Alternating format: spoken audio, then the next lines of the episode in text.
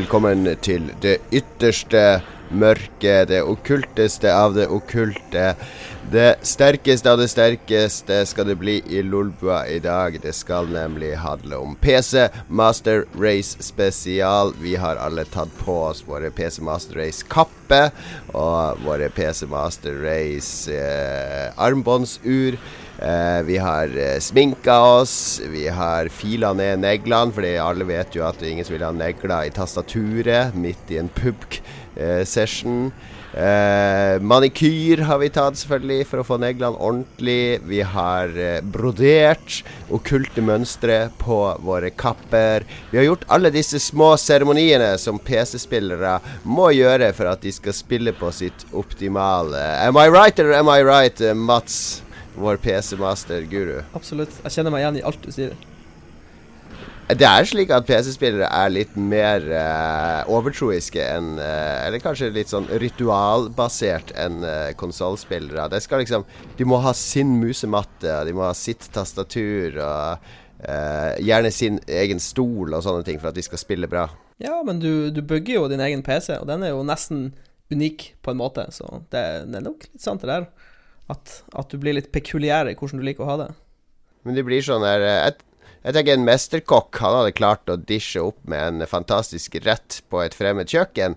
Eh, funnet fram ja, ok, ikke, ja. Mens en PC-spiller har vært sånn Har du ikke den gryta? Jeg er vant til å bruke den vispen. Går ikke an å piske egg med den her. det blir som å sette en uh, Formel 1-sjåfør i en fremmed bil. Han blir ikke å fortelle noe. En Formel 1-sjåfør, det vet jeg ikke, men uh, en uh, Du er vel sånn at du klager mye når du må spille konsoll? klager mye? Nei, jeg har hørt fra Lars sier det bak din rygg. Nei, han klager jo ikke på Jo, du klager jo på PlayStation. Det kan du jo gjøre. Ja, jo, jo da, jeg klager litt. Men uh, hvis spillet er bra, så, så er det jo ålreit. Men uh, ja. hvis jeg må spille et skytespill på PlayStation, så kommer jeg til å klage på et tidspunkt. Men uh, du er jo ikke en sann PC Master Race, for du snakker annet om å kjøpe PS4 Pro, f.eks. Mm, ja. Så det, du, har, du, er litt utro. Jeg er ikke pure. Nei, det, du er du Jeg er litt sånn a daywalker. Hitler hadde bare sagt det. Han får ikke være med i SS. sånn er det bare. I min PC Master Race SS, så er ikke du med. Vi snakker om PC, fordi nå har jo endelig du eh, tredd inn i våre rekker. Eh, Lars har brukt sånn to måneder på å bygge deg en PC. Jeg er sikker på at det var ikke spillene som lokka deg, det var cryptocurrency mining som endelig fikk deg til å bikke over enhver mulighet til å gni fram noen kroner og øre mm. av å sitte på ræva. Da kaster du deg over det. jeg har, jeg har snakka litt om cryptocurrency. Ja, vi om det. Ja, jeg er veldig interessert. Fordi for eksempel, hvis du kan tjene 70 kroner dagen, og så bruker du bare 5 kroner i strøm, hvorfor gjør ikke alle det, liksom? Og så videre. Så med et vanlig grafikkort Nei, Det er jo ikke vanlig, det er ikke vanlig. Ja, okay, et, det er ganske bra grafikkort. Med et veldig bra grafikkort så kan du mine en en del penger. Så det, det, burde jeg ha gjort. Mens jeg er på jobb, så står maskinen og tjener penger. Men jeg eh, må jo sies at det eneste det jeg har spilt mest etter at jeg fikk PC-en Mats skrudde sammen, vi streama det hele på, ja, på, på Entourage. Det var veldig mye spenning. Eh, det første jeg gjorde, var å sitte i tre timer og spille Commodore 64-musikk. etter, å, etter å ha prøvd sånn her fem minutter med Edith Finch for å se at maskinen funker og sånn. ja, men eh, du har fått en spillmaskin som funker, altså? Ja, det gikk eh, overraskende smidig. Vi har bygd en veldig kapabel PC til Lars, så nå kan han spille alt mulig. Ja, det er veldig kult. De her ledningene inni PC-en De ser ut som sånne alien-tarmer eller sånne noe greier fra en giger... Lars var overbevist om at det var romvesenteknologi de brukte for å koble alle ja. enhetene sammen. Nei, det, det, er veldig bra. Ja, det ble en bra, en bra liten boks. Veldig ryddig. ryddig sete. Men altså, det er det nå når du kommer hjem fra jobb. Har du lyst til å sette deg foran PC-en og spille, eller er det sofaen som kaller sammen med dagens godteri og håndkontrollen? det første jeg har skrudd på de siste dagene, er jo PlayStation, men det er gammel vane, da. Og så ser jeg bort. Hm, der er den der. Jeg må hvordan kan jeg bli litt flinkere på å gjøre en uh, SID-fil fra Commodore 64 til uh, stereo i dag? Og så har jeg også begynt å tenke på sånn streaming. Begynne å forske litt på sånne OBS og XSplit og sånne ting. Og så veldig lite spilling enn så lenge. Jeg har spilt mer Edith Finch, og det er et veldig kult spill. Det må sies. Ja. Kan vi snakke litt om eh, senere. Er du fornøyd med å ha konvertert denne hardnakka unbelieveren, Mats? Ja, det føles, det føles bra. Endelig, liksom. Jeg har, men jeg har ikke kommet helt inn i liksom vi, har, vi har jo ikke spilt Battleground sammen eller gjort Nei. noe ennå, på en måte. Så. ja, jeg, jeg er ikke døpt ennå. Jeg er født, men jeg er ikke døpt. Ok, vi skal også Vi skal snakke litt uh, Først skal det handle litt om PC-minner og sånne ting. Og så skal vi innom våre faste poster. Men vi kan vel åpne med litt uh, musikk, eller hva? Jeg har ikke funnet så mye PC-spillmusikk i dag, men uh, det duger kanskje for det.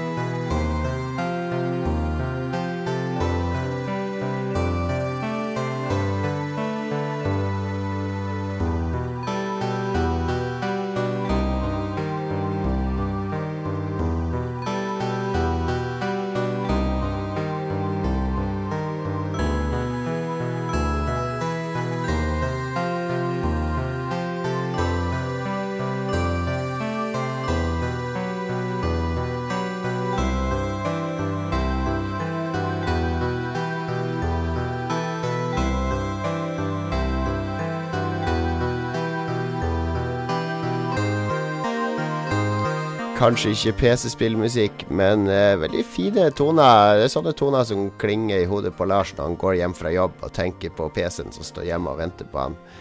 Litt sånn forventningsfull, salig, eh, glad musikk. Nei, det er fra et spill som heter Sekaiju no Meiku sho no Sheihai. Perfekt japansk uttale der, tror jeg. A pluss. Hai. Ja, da må arigato. Uh, så des. Eh, PC-spillminner, eller PC-minner, hva, hva tenker du på da, Lars? For meg så har det i hvert fall vært en tid nå den siste uka med, med mimring om hvordan det var da jeg hadde PC før. Eh, hadde det og PlayStation samtidig. Så etter hvert så tok jo PlayStation over helt fullstendig. Kanskje Hadde du ikke PC før det? Ikke som jeg kommer på. Jeg var jo sånn Amiga-entusiast over min hals og hata jo PC fordi den drepte Amigaen min. ikke sant? Når det egentlig var Amiga og Commodore som var skikkelig drittdårlig selskap og ikke klarte å skjerpe seg. Men jeg husker det var mye MP3. Det var liksom eh, det første kule. Det var jo liksom Eller det kom kanskje ikke med en gang, men eh, kom i den perioden jeg bodde der, da. Og det var jo en revolusjon. Det revolusjonerte jo PC, eller musikkverdenen, egentlig, eh, de PC-ene. Spillene var jo litt så som så. Uh, og allerede da så drev jeg vel og skulle emulere sånne her gamle ting. Sånn som jeg, sånn som jeg planlegger å gjøre nå. Kunne emulere sånne her eh, Lucas Arts-ting og, og de gamle greiene. Men Hadde du, eh, hadde du Napster? Napster, Napster var jo tingen. Ja. Bare det å liksom kunne trykke på en fil, og så etter noen sekunder fikk du høre musikken osv. Det var litt crazy. Det husker jeg. Ja. Um, men hva husker dere? Liksom, hva var deres første PC? Jeg, husker, jeg prøver å huske hva den første var. Jeg klarer liksom ikke Ja, vi var tidlig ute. Når vi bodde i Stavanger, så kjøpte faderen en PC uh, via jobben. En 386 mm. SX 25 MHz. Og den, jeg husker bare prisen. Den var så dyr. Den kosta over 30 000 kroner. Ja, ja, ja. Det var sånn What?! Hvordan kan det koste så mye? Og så tok han den hjem. Det var 4 megabyte ram. Uh, og så eh, var en, en kamerat av meg hadde en 486, Mm. Og så fikk han tak i Doom ja. på floppy. Så kopierte han det til meg, så skulle jeg spille Doom på en 386. Og det kan jeg fortelle dere er Det går ikke så bra. Eh, så til og med da og, og det som var litt interessant med Doom, er at til og med så tidlig så kunne du stille ned grafikken. Du hadde high og low, så jeg måtte spille Doom på low, og så måtte jeg gjøre vinduet til 50% størrelse. Jeg kunne ikke ha 100% skjermstørrelse på Doom. Mm. Da gikk det ikke. Da var det for lite frames. Så jeg satt og spilte Doom eh, på min 386 eh, på halv skjerm på low. Så Ja. nesten ikke hva som skjedde på bildet, men det var kult allikevel. For det var veldig bra musikk. Var det da dette Alle PC Master Race har jo denne gensykdommen med at uh, de får sånne her svettetokter hvis de, hvis de ikke kan spille spillet på maks. Uh, hvis de, eller hvis de vet at spillet kjører litt bedre hos kompisen, så er det liksom det er Jo, ødelagt. det, seriøst, det seriøst det, start, det starta allerede da, garantert. Ja. Uh, og når jeg da konfirmerte meg noen år senere, så brukte jeg alle konfirmasjonspengene på å kjøpe en Pentium 90. Så jeg kunne Ah. spille Duke Nukem 3D på høy FPS og eh, Command and Conquer. Jeg tok jo um, Jeg spilte jo eh, eh, med bror, lillebroren til Lars uh, via Modem. Vi spilte Duke Nukem mot hverandre når jeg bodde i Stavanger og han bodde i Harstad. Det, det var tidlig, Wow. tidlig PC-minne. Ja, nei, det Og så er, ringte, eh, ringte, ringte han på telefonen etterpå, og så snakka vi om kampen, liksom. Så, ah, 'Jævlig kult når du kasta den pipebomben der og tok meg', og Men brukte dere det skjetne US Robotics-modemet vi brukte til Amiga? For det ja.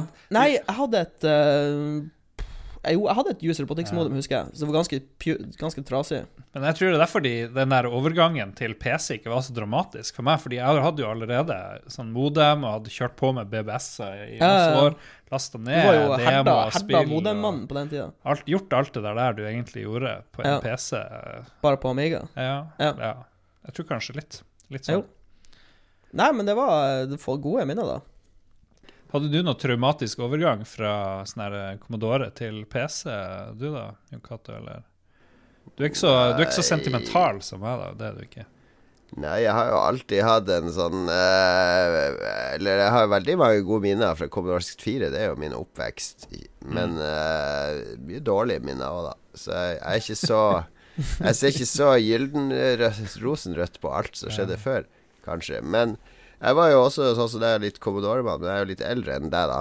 Så jeg ble jo veldig lei av Amiga. Jeg syns jo Amiga-spillene var mye dårligere enn Commodore 64-spillene ofte, fordi det var så Ja. ræva laga og så kjapt og, og drit. Men så PC var liksom aldri aktuelt. Fordi du så på spill som Pinball Dreams, som scrolla sånn supersmooth på Amiga, og så hakka så bare det på selv den kraftigste PC. For det, det var masse det ikke kunne på den tida. Den kunne ikke scrolling.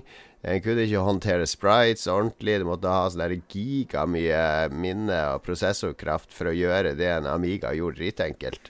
Så vi, vi som lagde demoer sånn på Amiga, vi lo jo bare av PC. Og, og 3D-grafikk funka ikke i det hele tatt. Eh, og sånn online-greier, der var jo jeg på Blindern. Jeg var i militæret i 91-92.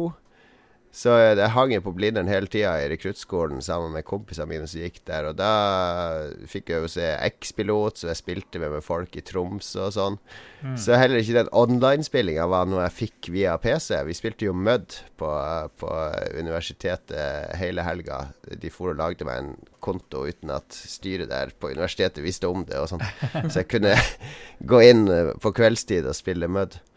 Eh, så, så jeg hadde aldri sånn forhold til PC. Ikke før 3D-kortene og sånn kom, og jeg skjønte liksom at nå, nå er det et maktskifte på gang. Jeg var litt før da. Det var Systemsjokk var liksom det, det spillet som fikk meg til å kjøpe en 486 X2 66. Det var vel bare på PC, kanskje? Ja, og, og det var, var jo vår venn Øyvind, som vi kjenner. Det var han, han som hadde PC i Harstad. Han hadde vel en 486 25 MHz.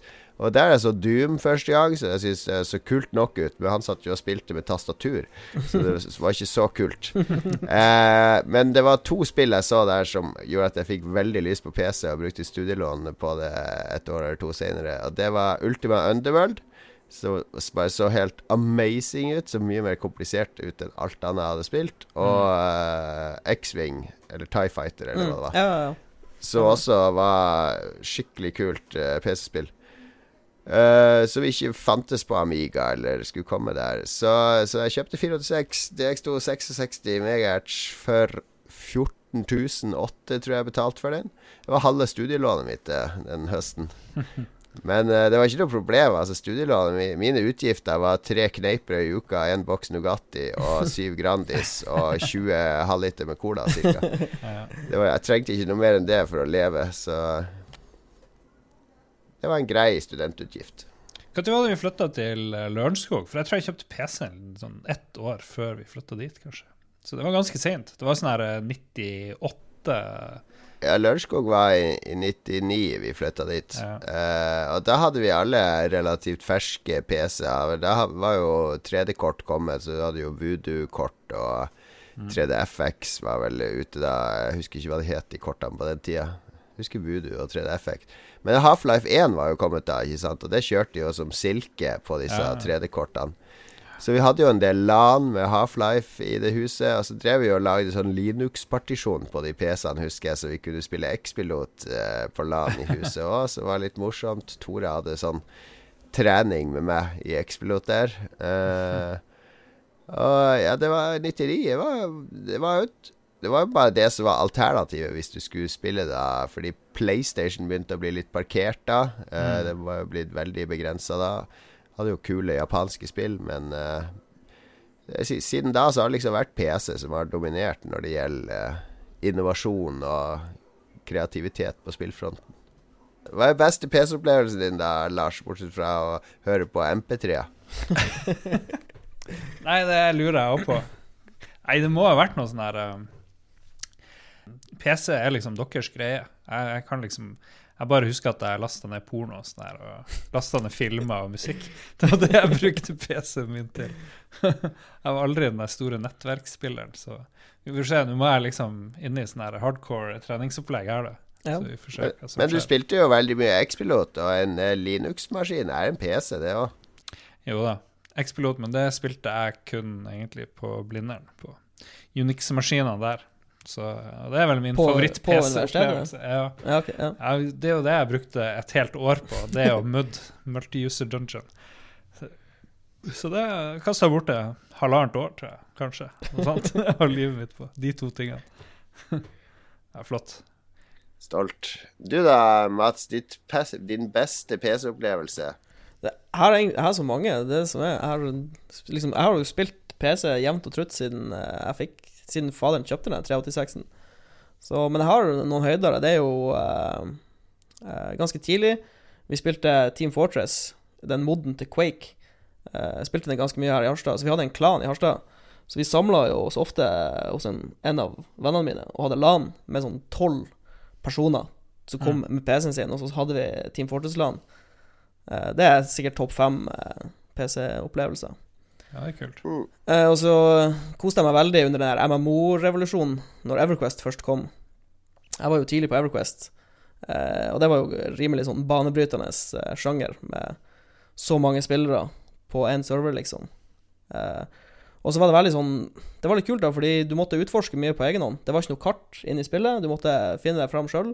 Det fantes jo sånne ressurssider, som à la Kazam, som liksom var Vovhead før Vovhead, eh, og Thoughtbot Uh, men det var ikke alle som visste om disse igjen, og spill, spillet var jo akkurat kommet, så folk hadde ikke rukket å legge inn hvor finner du den bossen, hvor må du gå hvis du vil ha den droppen. Liksom. Så du, det var bare nesten rykter som gjorde at du dro en plass og, og jakta en dropp, på en måte. Så jeg husker jeg, husker jeg brukte noen hundre timer på Everquest, som mm. jeg bare har gode minner av, nesten. Mm. Uh, og så tenker jeg Jeg vet ikke. Counter-Strike er jo liksom noe som revolusjonerte FPS, på en måte. Det dukka jo opp her som en mod til, til Half-Life. Plutselig var den bare der, og så var det sinnssykt mange folk som spilte det. Så det Ja. Mye, mye å ta av.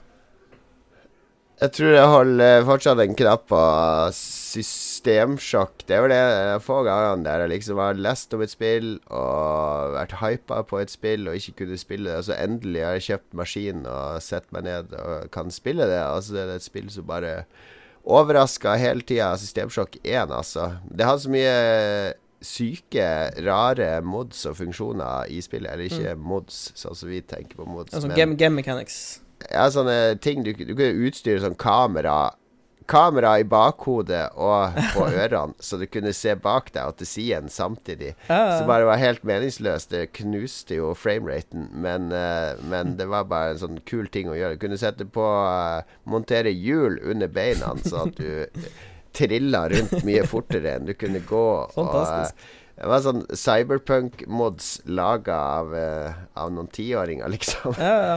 Jeg tror Bare... uh, det første Deus X-spillet tror jeg er mitt systemsjokk. For det var uh, det første mm. sånne rollespillet jeg spilte på PC, med 3D-grafikk og Du kan liksom gå gjennom spillet som du vil. Du kan snike, du kan krige, du kan ja, herje.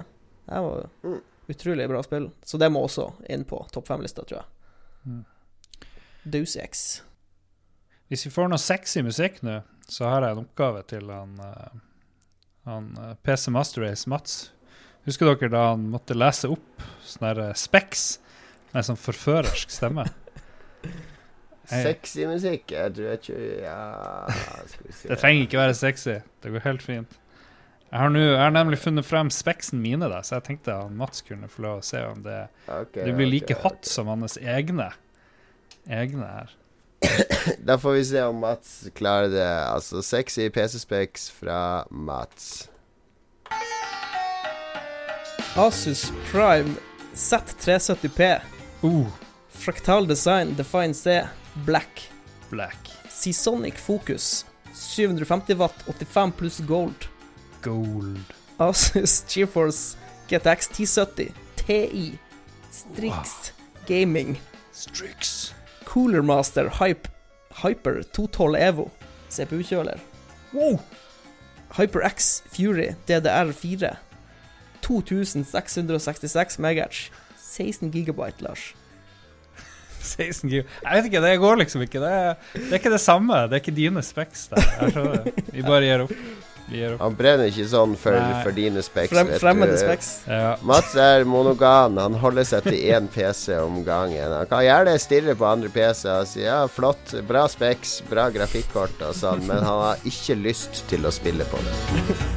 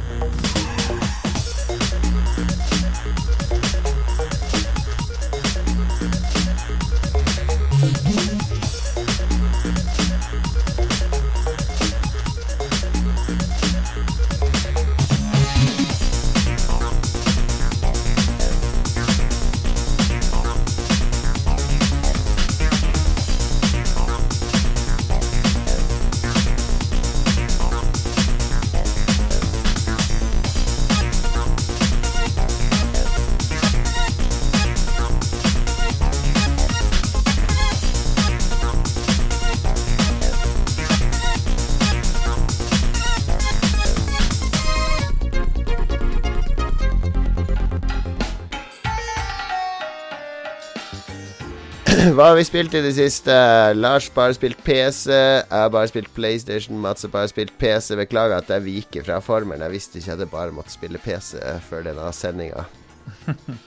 Hvordan er Monster Hunter World? Jeg kan begynne med det. Det er jo det jeg har spilt på eh, PlayStation 4 Pro. Så jeg kan spille kan velge mellom tre innstillinger. Jeg har fortalt Lars allerede.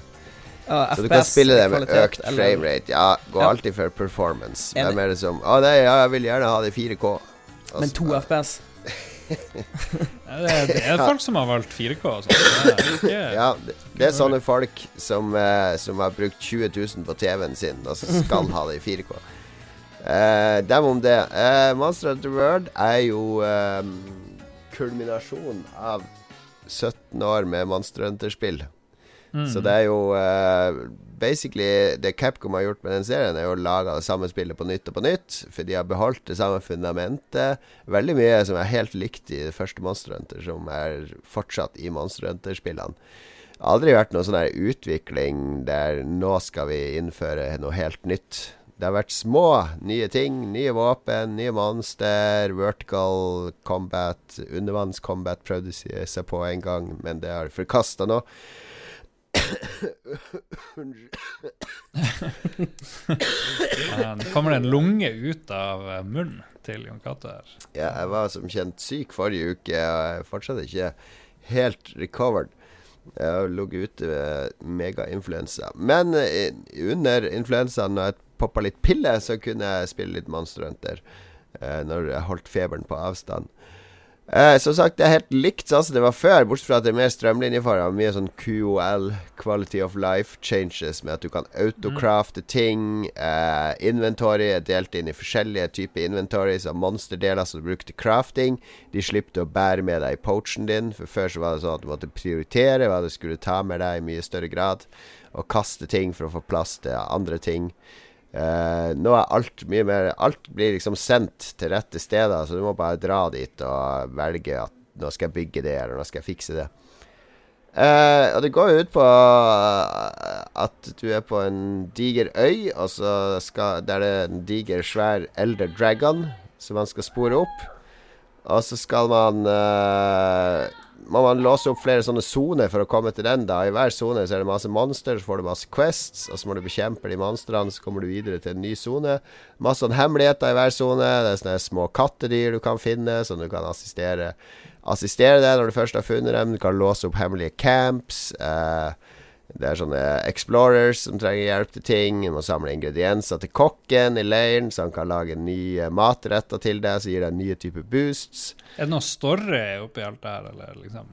Ja, det er jo sånn tullstory med, med det er Storyen som har vært det sterkeste i Monster sikkert. Nei, det er helt forglemmelig, men den er greit lagt opp med at den gir deg nye og varierte quests hele tida.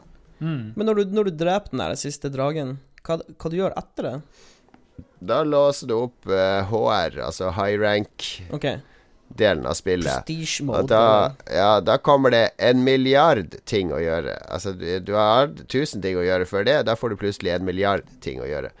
Eh, da låser du opp en masse nye rustningssett, våpentrær osv. Uh, som du kan begynne å, å grinde deler til. Eh, du låser opp nye fiender, eh, nye behaviors på fiender osv. osv. Uh, så det er enormt mye sånn end content, og da må du også gå i gruppe for å ta noen av disse monstrene for for å ha sjanse til å ta dem. Eh, ja.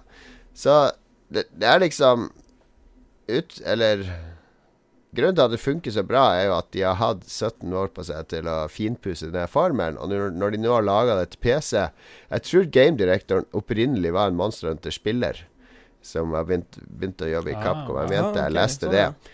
Så han har fått litt autoritet til å gjøre disse QOL-endringene som har sittet nok langt inne hos Jeg vet det er en del sånn Monster Hunter-purister som klager på et par ting. Ja, du kan nå gå i sånn snegletempo mens du drikker potion og healer deg, for før måtte vi stå helt i ro.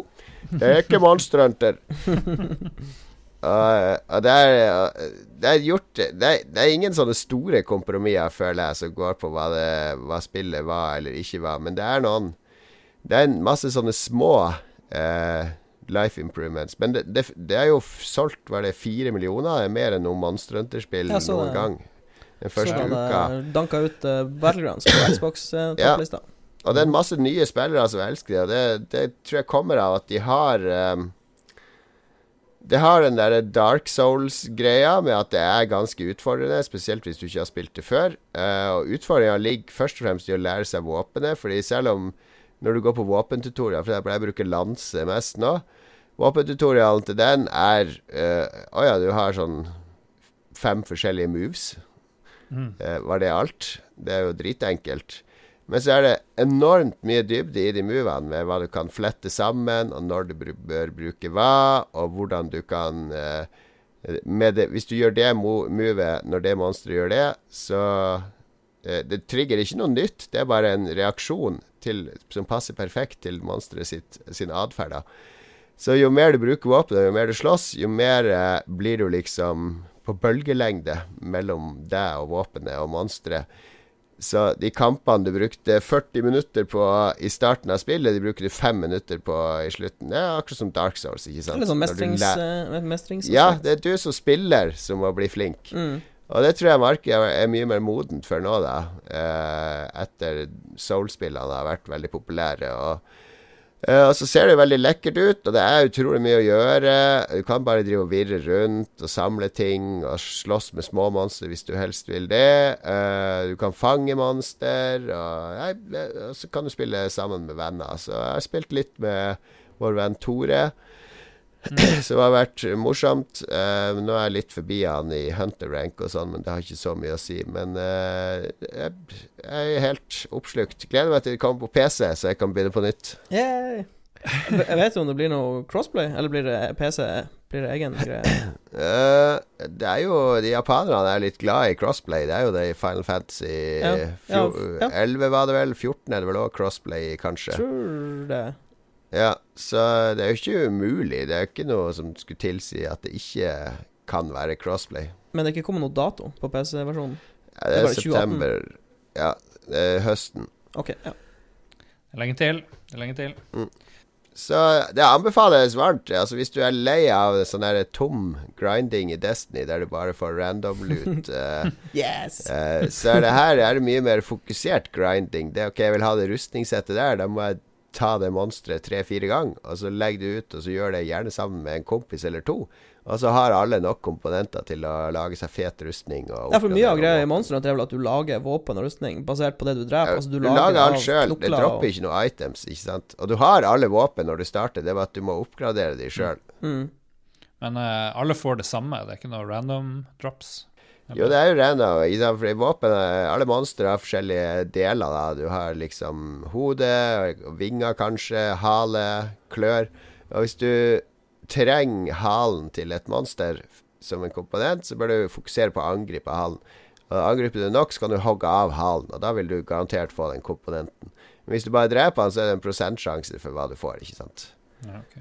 Så noen monsterdeler er litt sjeldne, andre er litt dyrere. Men du kan alltid jakte fokusert på de. Apropos, eh, du nevnte Bloodborne. eh, Du tipsa om en sånn her eh, Awesome Games Done Quick-greia. Bloodborne, Bloodborne, tror jeg. Ja, ja, ja. Du hadde jo lyst til å begynne å spille det igjen, Mats. Interessert i å høre om du har gjort det, liksom. Men jeg måtte se den der. Jeg så du på den. Speedrun. Det var helt sykt beste speedrun jeg har sett, tror jeg. Av Ja, veldig morsom kar. Ja, Han, Anbefales Jon Cato og alle andre. Veldig informativ fyr. Eh, ja, som sp- spiller veldig raskt gjennom Bloodborne. Eh, det er, han, er, han er kjempegod, og så er han morsom og informativ. Han tar han der Gascoigne etter fem minutter. Han går rett bort til fader Gascoigne og smeller han ned. det er fantastisk å se på. Gode Ja. spillere. Hva er det lytterne skal søke på for å finne det her sånn utrolig morsom og rask Bloodborne Og eh, Awesome Games Done Quick eh, 2017 eh, Bloodborne. Jeg kan, jeg kan eh, fikse opp en link. 2017, Det var vel ikke ikke i 2018. 2017 engang. Ja, det var vel i 2018. Ja, januar. Stemmer det. Det er fra Ja, januar. det så er det er enkelt å 2018. finne. Jeg bare søkte på de tingene der, så dukka det opp. So the reason we come to this land is because we've been afflicted by a sickness, and we we've come to a blood minister, and he's cured us, and we wake up here at Yosefka's clinic with the urge to run.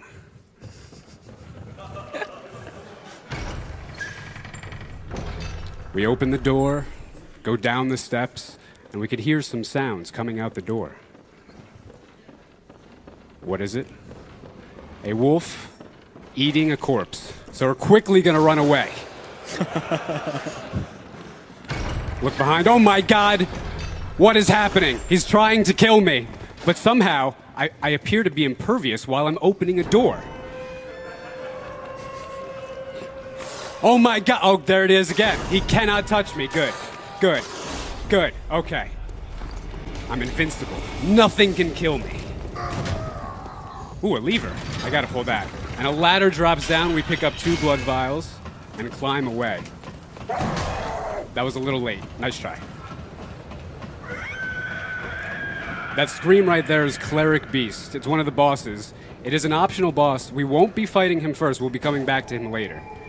This is the first lamp we're going to light, and it's going to transport us to the Hunter's Dream, which is going to act as a hub and spoke kind of world, similar to Demon Souls. If we want to enter a new area, we either need to find it by ourselves or warp back to the dream to get there. Baby messengers offer us weapons. They only offer us one, but I'm quick and sly. I take two. Like stealing candy from a baby.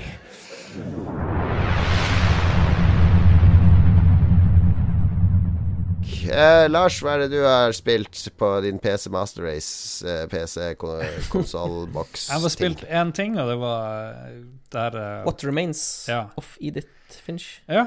Jeg vet ikke helt hvorfor, men det, det satt i Hvorfor måtte du spille det på PC? Det er jo Nei, jeg på PlayStation nå. Totalt eh, ikke noe grunn Mer til det. mer FPS. Jeg bare, jeg bare liksom hm, Jeg må laste ned et eller annet, hva skal det være? Så var det noe sånn eh, tilbud eller et eller annet, så det bare lasta ned. eh, Jeg vet ikke om det er fordi jeg spilte på den på en PC, men det er automatisk beste walking-simulatoren jeg har spilt noen gang. Men det virker veldig veldig bra. Jeg har ikke runda det, men det er tusen ganger bedre enn de her eh, andre spillene i samme Everybody's sjanger. Gone to the Rapture. Everybody's Gone to the Rapture. Ja, Ja. knuse det. Men jeg har ikke spilt alle, alle walking-simulatorene jeg burde ha spilt. Men ehm, det er litt sånn kult. Dialogen dukker opp på skjermer, eller ikke på skjermer, på veggen, eller på liksom ulike ting. Plutselig er du Det er jo sånn typisk du har et hus og mimrer, men plutselig så er du i en, en annen person i det huset, eller du liksom er i en fantasiverden til den personen. Eh, morsomt, fargerikt. Litt sånn Plutselig er du i en Er du fem år gammel eller et eller annet sånt, og så plutselig er du tilbake til den du var. Og et helt sykt hus. Og det er jo fra Norge. Det var jo eh, Å ja. Ja, de har dratt eh, Det var han Odin, eller hva faen han heter, gamle Odin, og familien er cursa, så de tar med seg hele huset på en båt og drar til eh, Washington, eller hvor det du for eh, borti USA. Humor. Så forliser huset. Så er det tydeligvis noe curse fremdeles. Men eh, det virker veldig bra. Og det funker sikkert òg om du ikke er på PC, da, tipper. Men eh, det spørs. PC Master Race in your face. Litt sånn halvhjerta PC Master Race her, men jeg skal prøve å bli bedre. Jeg kommer på at Vi mangler jo vår eh, PC Master Race eh, Magnus, som eh, egentlig bare spiller på konsoll. Det er mest komfortabelt. Men han er syk, for Ja, de som er- savner den glade sørlending. Han er død. Nei, han er ikke død, han er syk. Lars, syk. Mats, du er f- Ja. fortsatt i live. Du spiller nå på PC hva? Ganske kjedelig. Har siste uka stort sett bare spilt Battlegrounds med mine venner. Spilt eh, Squad. Mange Squad Games. Det har jo starta ny sesong. Eh, sesong to har starta. Eh, så Ja. det er wipe, de har wipa alle statene, så man starter fra scratch på Er det matchmaking. ikke, er det ikke mye Nå har ikke jeg spilt det på lenge, nesten ikke i år, faktisk. Er det Ja. ikke mye juksing nå? Er det, Det er det som er litt spesielt, fordi hvis du går på subredditen, så er det masse sånne videoer av folk som jukser, og det er generelt sett veldig mange som klager på det. Men jeg har til dags dato møtt én person som jukser, og jeg har spilt Mm. 750 timer. Så det vi har, det vi har funnet ut, er at det, for det første så er det veldig mange som jukser, som spiller De spiller bare third person perspective. Altså eh, den hvor du er- ser i tredjeperson. Det virker så 95% av videoene du ser av juksere som er dokumentert, så spiller de på third person. Og vi spiller jo bare bare first person, så jeg tror vi unngår veldig mange juksere bare der. Og så Mm. virker det som at juksing ikke er så utbredt på EU-serverne. Det det er verst på US-serverne og eh, Asia-serverne. Til, Er det, er det noe rasistisk eh, du impliserer her? Eh, det er jo veldig mange kinesere som jukser, da. Det er jo de som lager juksene til spillet. Eh, Ja. Så jeg så i morgen så skal de implementere en ny sånn anti-cheat-greie. Så vi får jo se hvordan det går, da. Men, Men, det er ikke sagt jeg, tenker, eh, Min sønn som spiller CS, han klager alltid på sånne russere som jukser, Ja, så det er ikke ja. så utbredt i ikke, Europa. nei, jeg har ikke møtt mange russere i spillet, egentlig. Og nå har jo ikke jeg på Voice, da, så jeg hører jo ikke hvor de kommer fra, de som vi møter og skyter. Men eh, Er det sant? det, er, det er rett og slett lite juksere på EU på first person. Eh, så vi har bare Ja. stor, vi har storkost oss. Eh, og i dag, hadde vi med, um, I dag hadde vi med en helt fersk rekrutt, som ikke var Lars. Eh, en annen kamerat av meg fra byen. Så det er alltid artig å ha med en eh, helt uh, ny, ny kar som kan Det bære sier du bare og fram til Lars er med. ja. Hvem da som var med? Eh, Alexander Eg, eh, storebroren til han Vegard Eg, hvis du vet hvem det er. Mm. Morsomt. Så vi vant, vant overraskende mange runder. Han var en, et naturtalent. Nice.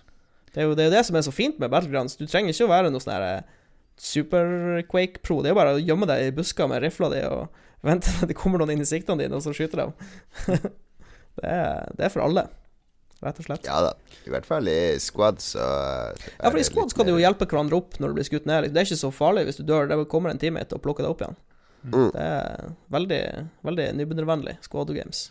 Men le, jeg spiller levende fortsatt, eller er det Altså, det er mange som spiller det, det vet jeg, men nå er det liksom ute, begge kartene er der. Mm. Hva er det man skal se fram til, liksom? Ja, det har stagnert litt på utviklinga, kan vi vel trygt si. Eh, Nå har det kommet noen sånne små patcher hvor de har, de har justert det nye kartet, for det var kanskje et par områder hvor det var lite dekning. Eh, Det var mange sånne åpne områder.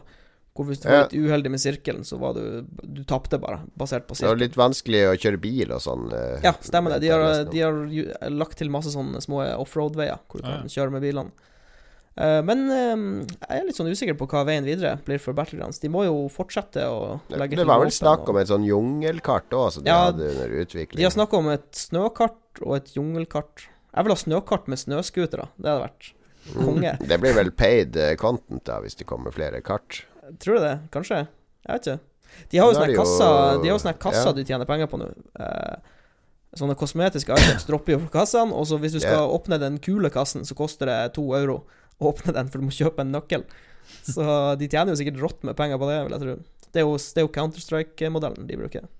Jeg tipper, jeg tipper PubG nå på siste, siste beina før det forsvinner. For nå kommer jo på onsdag, det er Fishing Barents-sidespillet. ja. Jo, men du, altså 2018 Jeg tror det kommer flere Battle Royale-spill i 2018. For det er mange som har fått Mm. øynene opp for den sjangeren. Så det, det blir den nye zombie zombiesjangeren, Ja. tror jeg. Det kommer nok ganske mange Men jeg tror kanskje ikke de gjør Hvis de gjør kartene til paid content, så separerer de Nei, det kan de, kan de ikke de det ikke kan de gjøre. gjøre. Så da, de vil nok slippe nye kart. Men de trenger jo Du har ikke spilt Fortnite ennå, da, som alle Nei, kidsa spiller. eh, det, er, har det har jo visstnok flere spillere enn PUBG. Ja, eh, jeg har sett eh, Det er jo veldig populært på Twitch og Fortnite. Men jeg har sett litt på folk som streamer det, og for meg så appellerer det ikke helt, fordi du har det der byggeaspektet. Ja. Du, kan, du kan drive og bygge sånne trapper og, og vegger mens du holder på å slåss med folk. Da ser det Veldig veldig sånn merkelig ut. Men det er jo gull å kombinere Minecraft Minecraft og, Battle PUBG, Royale. liksom. Ja, ja, ja. eh, Formelen er sikkert helt konge, men for meg så er jeg litt mer sånn Milsim-fyr. Så jeg liker realisme litt mer enn å bygge trapper. Du liker at et drap skal føles ekte. Du skal føles som at uh, nå har jeg drept noen, ikke Jeg- jeg at lik- eh, jeg jeg, ser at- på Donald Duck. Jeg liker at det er litt knotete. At det er litt sånn her Du står og eh, klarer ikke å komme deg gjennom døra helt fordi spillermodellen driver og skaller seg i eh, dørkarmen og sånne ting. Mm. Jeg liker litt knotete spill. Ja, det er fordi vi, Mange sammenligner jo Fortnite og Battle Royale, selvfølgelig, og det må man jo gjøre. Det er jo samme, er jo samme samme spill. Ja, ja. spillmodus, bortsett fra det ene har bygging. Men det Fortnite òg har, har jeg inntrykk av, er jo en utrolig kul attitude hos utviklerne, da. De, de de. patcher og oppdaterer i et sinnssykt tempo, og Mm. bare slenger inn nye ting og fikser ting og Ja, der, smadrer smadrer de Bluehole, det ser du. Hvis en spiller kommer med et sånt godt forslag Det var en sånn En spiller som sendte inn en sånn, en sånn konsepttegning av eh, noe han hadde lyst til å ha til på kartet, hvor det var en sånn borg med hengebru over og sånn. Hadde det ikke vært litt kult med dette, og så gikk det sånn fire dager, så hadde de lagt det til i spillet. Sånne ting er jo helt gull eh, hvis du er en utvikler. Og det har, det har ikke Bluehole. Ja, det er ganske bra, bra holdning å ha som utvikler. Da, da treffer du bra i dagens spillmarked. Lars, hvorfor er ikke du i PubG nå? Jeg er ikke kommet Det føles litt skummelt ut. Og dessuten så må jeg få der Discord på plass. har Ja, vi har lagt inn Discord nå, så eh, Ja, Discord. snarlig Det er my mye styr å få Discord på Ja, plass. men eh, du er med, Jon Cato, du. Vi må spille Lolbua-squad. Ja, ja, jeg sånn er med. Jeg er med. Ja, det er jeg er med. Kjempebra. Det blir helt gull. Eh, Du ser det på en stream i nær framtid. Eh, Team Lolbua som skal eh, høste inn chicken dinners i Player Unknown Battleground.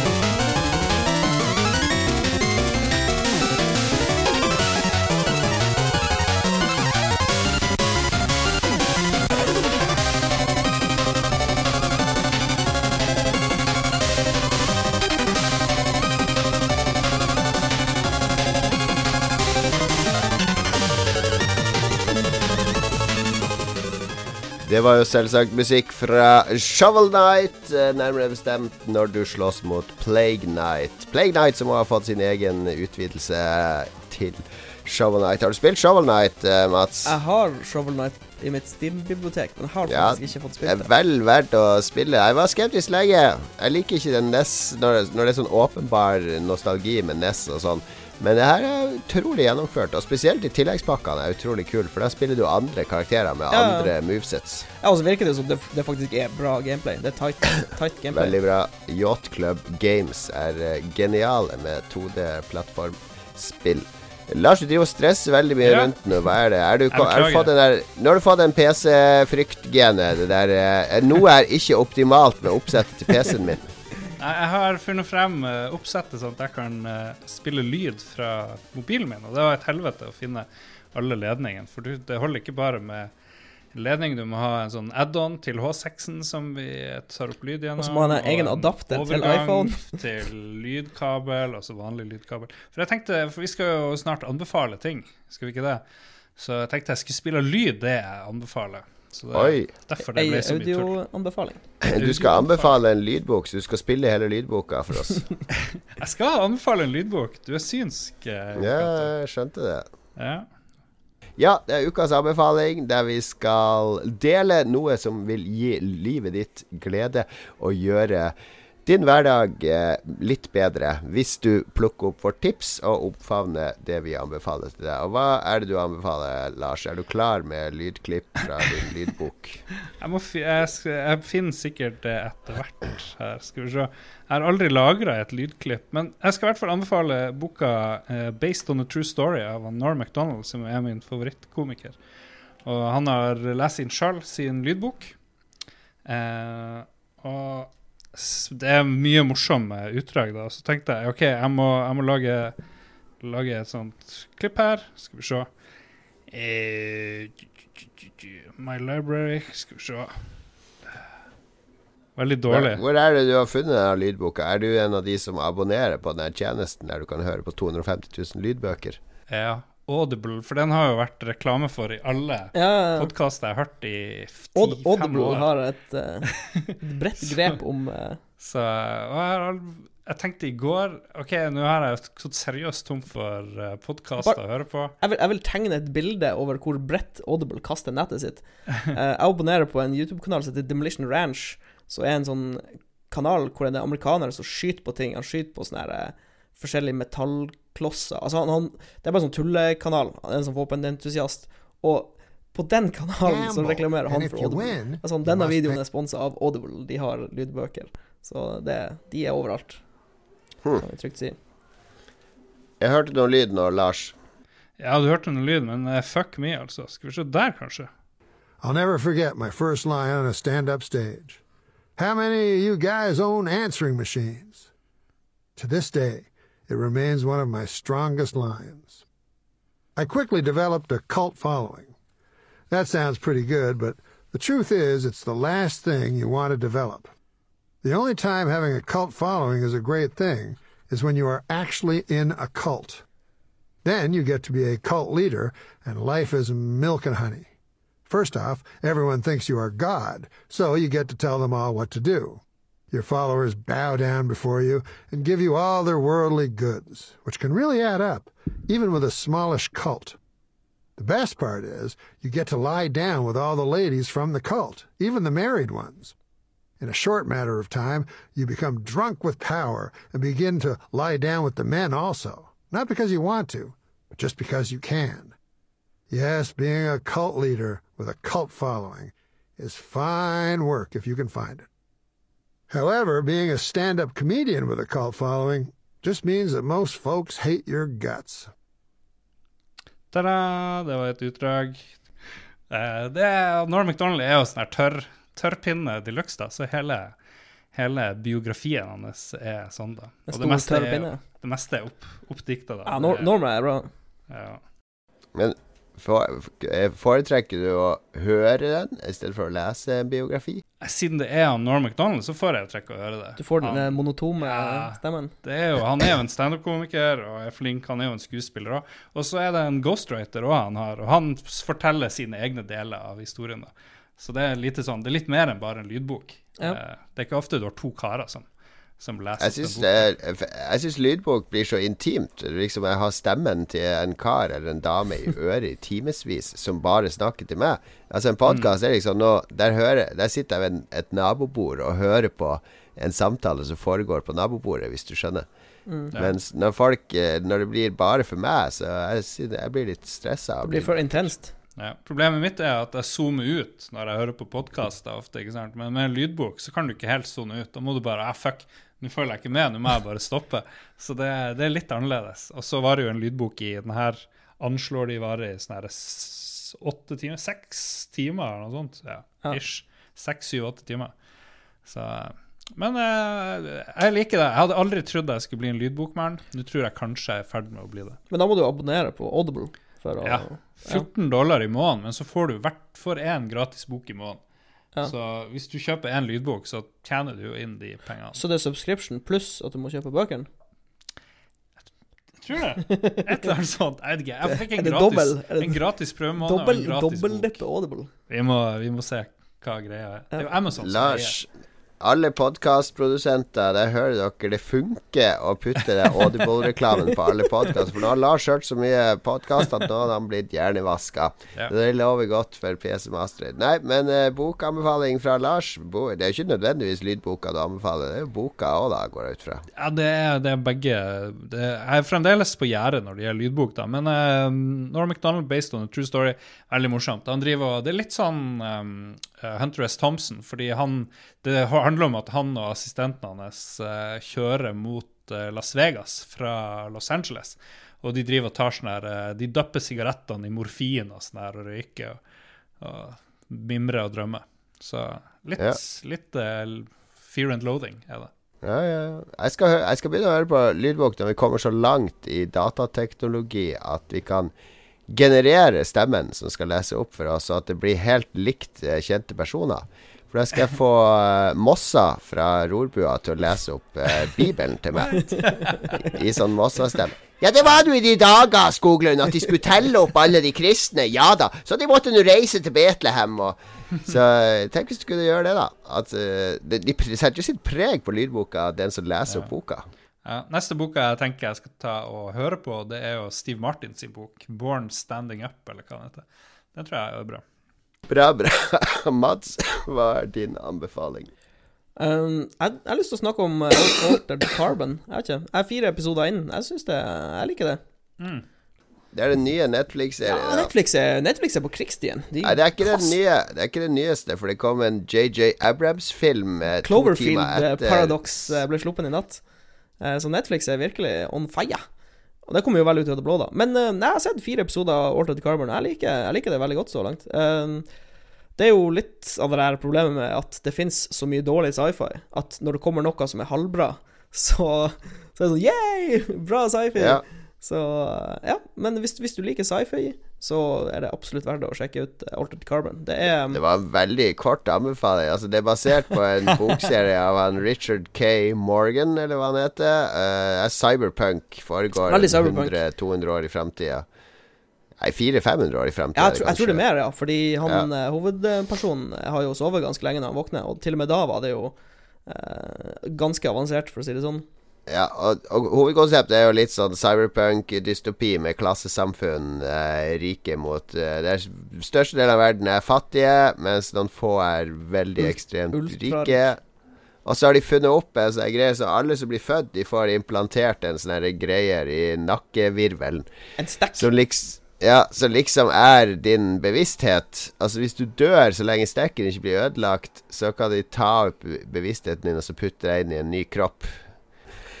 Man må kjøpe det premisset, i hvert fall. Ja. Da funker det veldig bra. Det er veldig estetisk, pen serie. Jeg tror jeg Ja, de har, brukt noe, de har brukt noe penger på å lage det der. Ja. Det er veldig imponerende eh, produksjonskvalitet.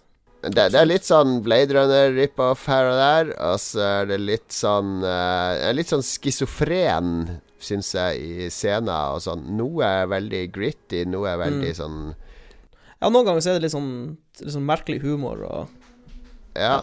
litt hopper litt fram eh, og tilbake, kanskje. Det funker, det er underholdende. Ekstremt mye vold. Veldig voldelig. Gladvold og tortur. Ja, og, ja, ja. Nei, jeg likte det. Jeg likte det veldig godt. Det er ganske bra. da Jeg synes Mm, mye av bra det er actionscener. skikkelig Ja, mye bra actionscener. Bra effekter. Hittil. Og, ja, her bare pøser de på sykt med penger, tror jeg. Mm. Altered Carbon. Det skal vel komme en sesong to, og har jeg hørt om. Jeg får se, eller De skal vel se åssen det går. Jeg tipper, tipper de ser, men det virker som de gjør noe med, med at folk snakker om den og sånn.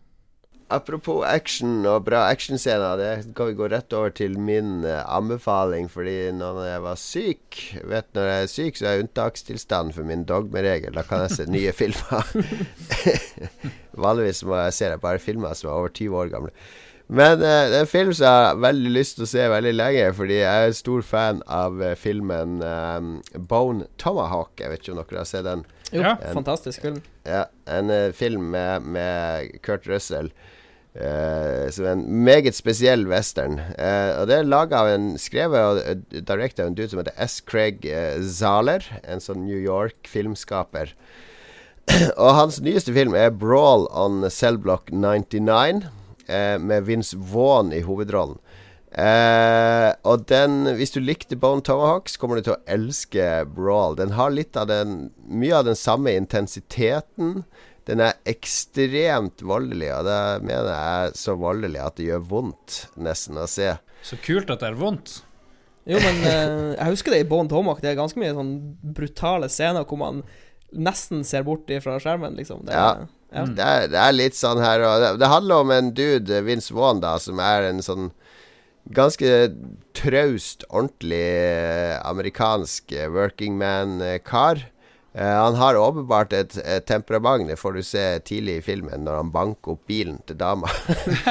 han banker ikke opp dama, da, altså, altså, han er, er sympatisk mann, men han banker heller opp bilen hennes. Det er det beste jeg har sett siden Det er som Street Fighter, når de knuser bilen i bonusbrettet. er det bedre Ja. når han Walter knuser bilen til han der uh, lille ungen, uh, tror han? I, uh, Det her er, eh, det her er eh, Det er bilknusescene over alle bilknusescener. Men Vaughn spiller med en nerve og en intensitet i denne filmen som du bare beundrer hele den personligheten hans og den personen han er. Og det går jo eh, Det går skeis etter hvert. Eh, Jeg skal ikke røpe for mye, men det, det, hav, det jo, havner jo et fengsel etter hvert. Det heter jo. Brawl on Cellblock 99. Og det er noe av det Den storyen og det er greier han virkelig inn i, noe av det jævligste jeg har sympatisert med i noen film. Og, men det er, det er en sånn reise i brutalitet og drit. Og, og som filmskaper, han der uh, sønnen er jo bare Jeg um, Saler. Han er bare sånn totalt original og kompromissløs. Og det jeg la merke til her òg, er jo at alle kampscenene er jo med et sånn rolig kamera fra sida. Ja, Det er ikke ja, noe sånn der klipp, klipp, klipp, klipp, klipp. Det er liksom uh, uh, Og det, det føles så vondt, og det føles så ekte, og de bare denger løs og, og tar imot slag, og, og det ser Husker du når du så Oldboy første gang, den koreanske Kor- filmen? ja, den korridorscenen. Ja. Fordi at det er et stort klipp, så blir det så mye mer intenst, og, og du lever deg så mye mer inn i det enn alle disse jalla-actionscenene. Det- La oss riste mest mulig på kamera, så du ikke ser hvor fake det er. Mm. Så, så Brawl on Cellblock 99 uh, Ikke se den med dama di. Jeg satte den på Først skulle jeg se den alene, fordi min kone var uh, ute den fredagen. Og jeg satt jo sjuk, og endelig nå skal jeg se den. Og så kom jeg hjem etter å ha sett et kvarter, da, tidlig hjem. Så bare 'Å, jeg skal se en film. Skal du være med?' 'Ja, ja, ja.' Og så går det bra i starten, og sånn, så begynner det sånn 'Nei, dette nå begynte å bli litt ekkel', og, og så kommer det en, en sånn der scene der det bare 'Nei, vet du hva'. Nå Takk for meg. så da resten av filmen så var lå under et sånt teppe med mobilen. Nice. Ikke kjærestefilm. Nei, men da må vi se den. Samme fyren som lagde Bone Ja, da må vi se den, Lars. Ja, må vi se. Mm. Ja, ta det sammen med fredagstacoen eller noe, og kos dere glugg i hjel. Altså, så ikke les og se så mye om det Nei, på nei, nei, det er. Jeg har prøvd å ikke røpe så mye. Bare nyt reisen til Vince. Vi går inn blind. Vi skal uh, ha litt musikk, og så blir det vår kjære lyttere skal få lov til å bidra litt.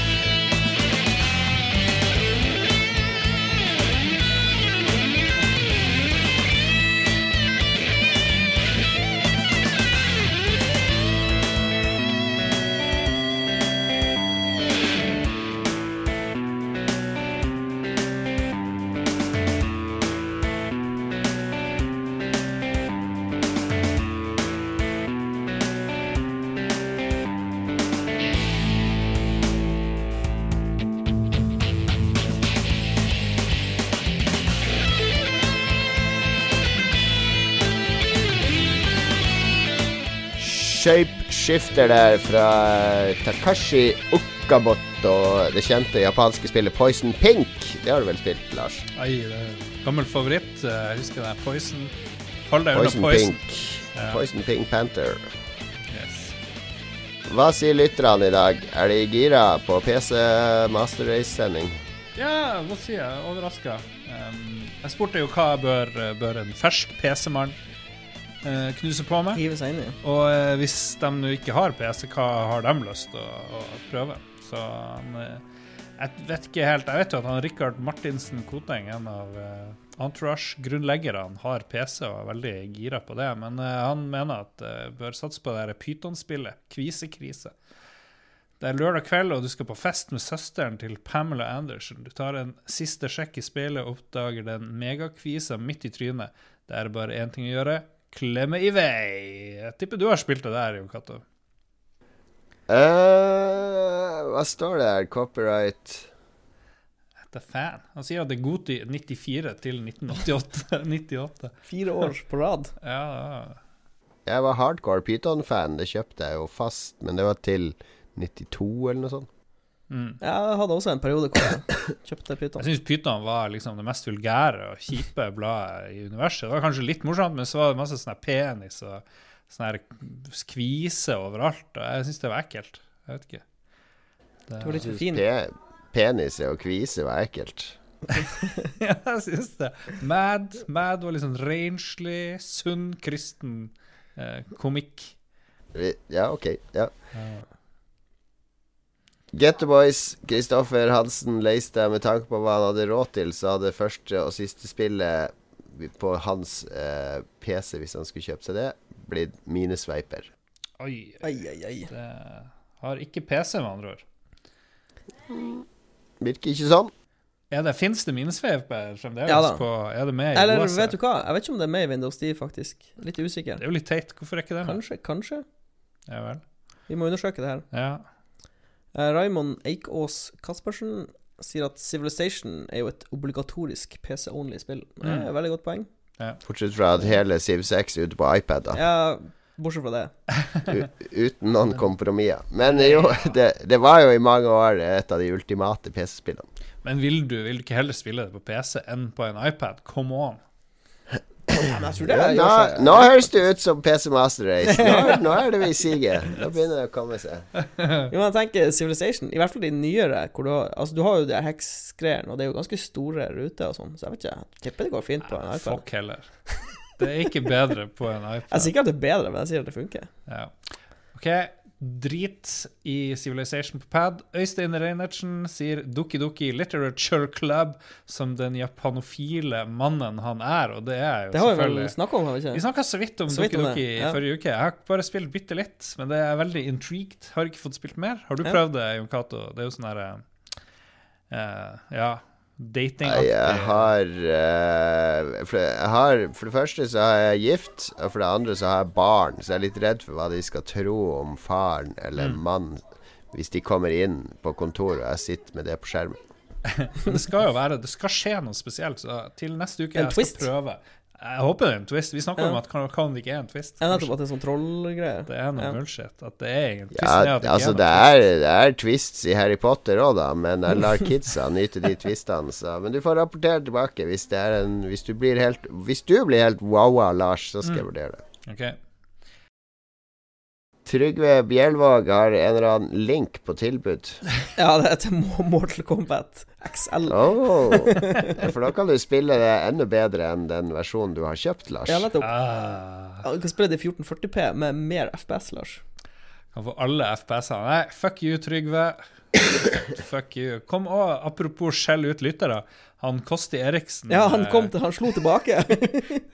Jeg trakk i tvil om Kosti er et ekte navn, så han stilte jo opp med både bilder av førerkortet og bilder av seg sjøl og, og navnet. Så jeg sier bare 'Je suis Kosti Eriksen'. Vi er alle Kosti. Ja. Eh, Morten Lund Olsen eh, sier at han ville spilt noe vintage Amiga for å break in PC-en skikkelig. Ja, shit. ikke dumt. eh. Ah. Det er jo mange, det mange som kjøper, kjøper sånn based-PC, og så fyrer de opp Minecraft, liksom. Det, det er ikke noe skam i å spille et, et eldre spill, eller Det er det som er så fint med PC. Mm. Du har et bibliotek Du har til og med et bibliotek som ikke hører til den plattformen engang du kan spille. Det er det som er så Ja. fint. Men har du, har du en Amiga-emulator på PC-en? Jeg hadde det på et tidspunkt, Ah, okay. faktisk. Jeg har Ja. DOS-boks, og så hadde jeg en sånn Amiga-sak. Gidder du å spille nå? Eh, jo, jeg spilte litt. Jeg spilte Moonstone Uh. på Amiga-emulator. Nice. Ja. Jeg er klar for litt Jones in the fast lane. Det er bare Ja. å si fra. Men jeg spilte Jones in the Fastlane på PC. ja, ja. Ja, det er det jeg mener. Å, du ja. mener- ah, ok, ja, det skal vi jo selvfølgelig Ja. gjøre. Ja, for det, det var et PC-spill, right? Spørs om det er sånn som å Å, jeg husker det var så gøy å spille Monopol da jeg var liten. La oss spille Monopol på nytt. Og så bare Å, shit. eller enda verre, Jakten på den røde diamant, eller hva det er. Det er jo faen meg det dårligste spillet som fins. Stigespillet. Men Marius Haug Skogekker ville spilt Snake. Mo Ja. Mobilspillet Snake. Ja, det, jeg tror det der er bullshit. Nei, det er ironi, vet du. Ja. En ironisk tone fra Ja. Marius. Marius Lysegen, Krinan Enda to Marius på rad. Dobbel Verden eksploderer. Stanley Parable uh, og Her Story. Her Story har jeg jo uh, spilt, men uh, Stanley St Stanley Parable eh, kan ikke jeg spille før til neste år, for det er en sånn achievement hvor du starter det opp, og så venter du fem år, og så før du starter det neste gang, så får du en achievement. så jeg skal spille gjennom det i 2019. For da får Stanley. Parable er jo fra geniet William Pugh. Ja, det er sånn absurd, morsomt spill. Han er, ja, han er ganske vittig spill. Ja, husker du du så snakka om det VR-spillet du hadde lyst til å spille, Lars? Det eneste du har sett med han der som driver banen banner hele tida. What the fuck, what the fuck, fuck? Det, det er altså William Pugh som har vært med på. Så Stanley Parable tror jeg du kommer til å elske hvis du prøver, Lars. Det er ren surrealisme. Ja, Bryte alle vegger og regler. og Og, jobber på kontor og sånn. Ja, ok. Nei, men jeg gleder meg. Godt tips, eh, Jon og Marius. Trond Sinfor Borgersen sier Warcraft 2. Tides of Darkness. Jo, men det er jo kl klassisk RTS. Jeg husker jeg spilte det på PC. Burde Lars, uh, burde Lars begynne med World of Warcraft? Nå har det blitt så morsomt å levele oh, fra 1 til ja, 1 til 110 skal jo være bra å levele nå, Fordi at nå er det jo level-scaling i alle soner innenfor Ja, så du kan fullføre quests og Ble, ble du 110 i Yoga 2? Eh, 106 nå, så jeg kommer dit. Det var det Men, litt eh, tid. Vi må, vi må kjøre sånn recruit a friend på han Lars, og så kan vi puste han opp. Men hvis jeg skal, hvor lang tid tar det hvis jeg skal spille sånn ordentlig opp? Level 0 til 100? Ja, det er det som er. Det tar vel lengre tid å levele nå, gjør det ikke? Ja. Heirlooms har blitt nerfa, Mm. så jeg vil tro det tar deg en 400 timer eller noe sånt. Er det sant? Nei, det tar ikke så lang tid. Ja, hvis du Lord. spiller Hvis du vil ha med deg litt story og omgivelsene, og følge Questlines til enden og sånn, så er det i hvert fall 200 timer. Ok, så jeg må si opp jobben, eh, med andre ord. Nei, men jeg har spilt meg fra level Jeg var på level 20 eller noe sånt, til 106 på et år. Men det Jeg har spilt litt nå, litt da. Det har vært mitt go to-spill. Det er veldig koselig, da. Vil slappe av. Ja, det er veldig hyggelig sånn spill å bare gå inn i og, og Det slappe har av. en sånn, bare musikken og feelingen og grafikken, alt er en veldig sånn holsom opplevelse. Jeg har jo en eller annen utgave av WoW liggende somewhere, men det er problemet jeg har jo ikke diskettstasjon. CD-spiller. Hør på, hør på. Skal du kjøpe deg hjemmestereo er med er amplifier? Eh, Jeg har ikke diskettstasjon, folkens. Jeg innrømmer det. Uh. Ja, ja. OK, jeg dater meg sjøl her. Noe fryktelig. Han eh, Håvard Christensen sier hvor mange Amiga- Amiga-demoer kan den nye PC-en emulere samtidig? Det er jo en challenge. Ja, det er en awesome challenge, Lars. Ja, Jeg tipper svaret er ti. Rundt ti. tror du det? Ja. Det må vi prøve. Ja. Det der er challenge accepted, Håvard. du tror ti? Hvor mange tror du, Jon Cato? Nei, uh, Amiga-demo ja, Ja. 10-12, tror Ja, jeg. det Ja, det koster litt å emulere, skjønner du. Ja, Mm. og Amiga er ikke så lett å emulere som mye annet. Mm. Det er litt mer ressurskrevende. Karl Andreas Myrland sist ut. Uh, Football Manager 2018 og The Curse of Monkey Island. Det første forslaget tror jeg er den raskeste måten å miste Lars fra PC-verdenen. Og tvinge han til å Hvis du måtte spille fotballmanager, Lars, vil, eh, hvilket lag hadde du valgt? Jeg hadde vært Tottenham, tror jeg. Du kan ikke velge rett der oppe, du må jo velge nede Ja, i bunnligaen og så jobbe deg opp. Ja, Torquay United, eller hva det heter for noe. Ja, ja, ja. Der har du. Ja. Enn du da, Mats? Hva er ditt uh, bunnlag? Et shitty lag. Uh, hva det heter det? Burnley? Burnley? Ja, ja, det Er ikke går, de litt sånn halvshabby? Jeg tar Millwall, som har de verste hooliganene i, i England, visstnok. Bra. Ja, kjempebra. Jeg, gikk, jeg var på språkreise i Torquay, så jeg var på en eller annen kamp der nede. Kjeik. Torquay. Torquay, sørkysten av England. Masse liksom sjø og spillehaller, og serverte drinker til 16-åringer. Det var tider. Det er der på sørkysten der de har sånne lange pirer. Altså Ja. sånne brygger med spillehall på og restauranter. Og, Det var sånn, akkurat sånn det var. Jeg har gode minner fra sånn jeg òg da jeg var ung. Nedi eh, Hva heter det? Eastbourne. Det var, ja, det er også på sørkysten. Det er rett ved Bloodborne. Og, Det er rett ved Bournemouth. Er det noe jeg skal legge til i sendinga i dag? Jeg har vært uh, litt stille uten vår kvitrende sangfugl fra Sørlandet. Han ligger syk hjemme og spiller et eller annet spill. Eh, Doki Doki er et sinnssykt spill, sier Håvard Ikke la unger spille det. ja, fikk vi advarsel. Finn oss på eh, Facebook, og så må dere anmelde oss på iTunes. Uh, vi sender 100 000 kroner til alle som gir oss stjerne på iTunes. Bare ta kontakt med tellefsen.no, så uh, Ja. ordnes det.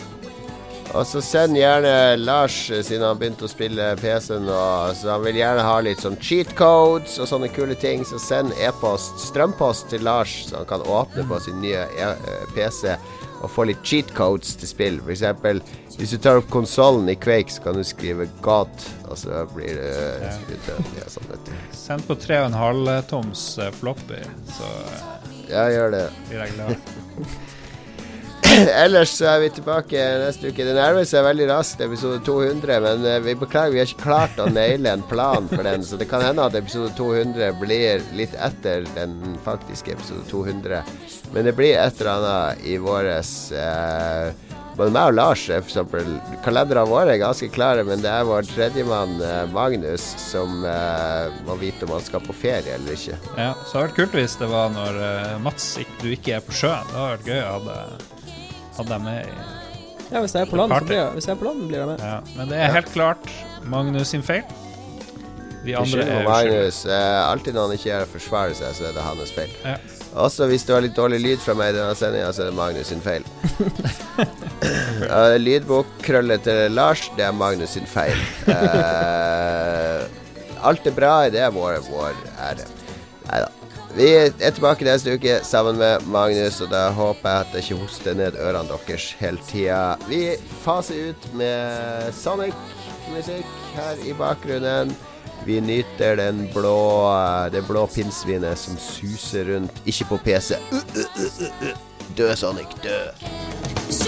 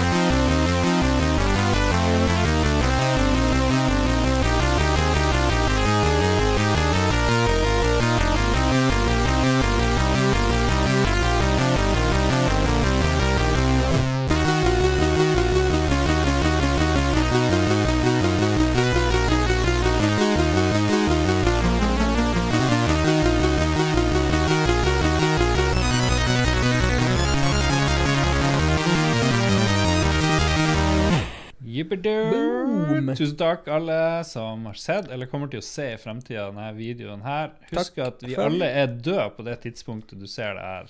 Hvis du ser denne videoen i 2072, ja. så eh, husk å ikke lage for mye lyder, for da kommer robotene og henter det. Hvis dere sier navnet vårt fem ganger på rad, så kommer vi og tar dere. Uh, Nå. Har du et enkeltpersonforetak eller en liten bedrift? Da er du sikkert lei av å høre meg snakke om hvor enkelt det er med kvitteringer og bilag i fiken, så vi eh, gir oss her, vi.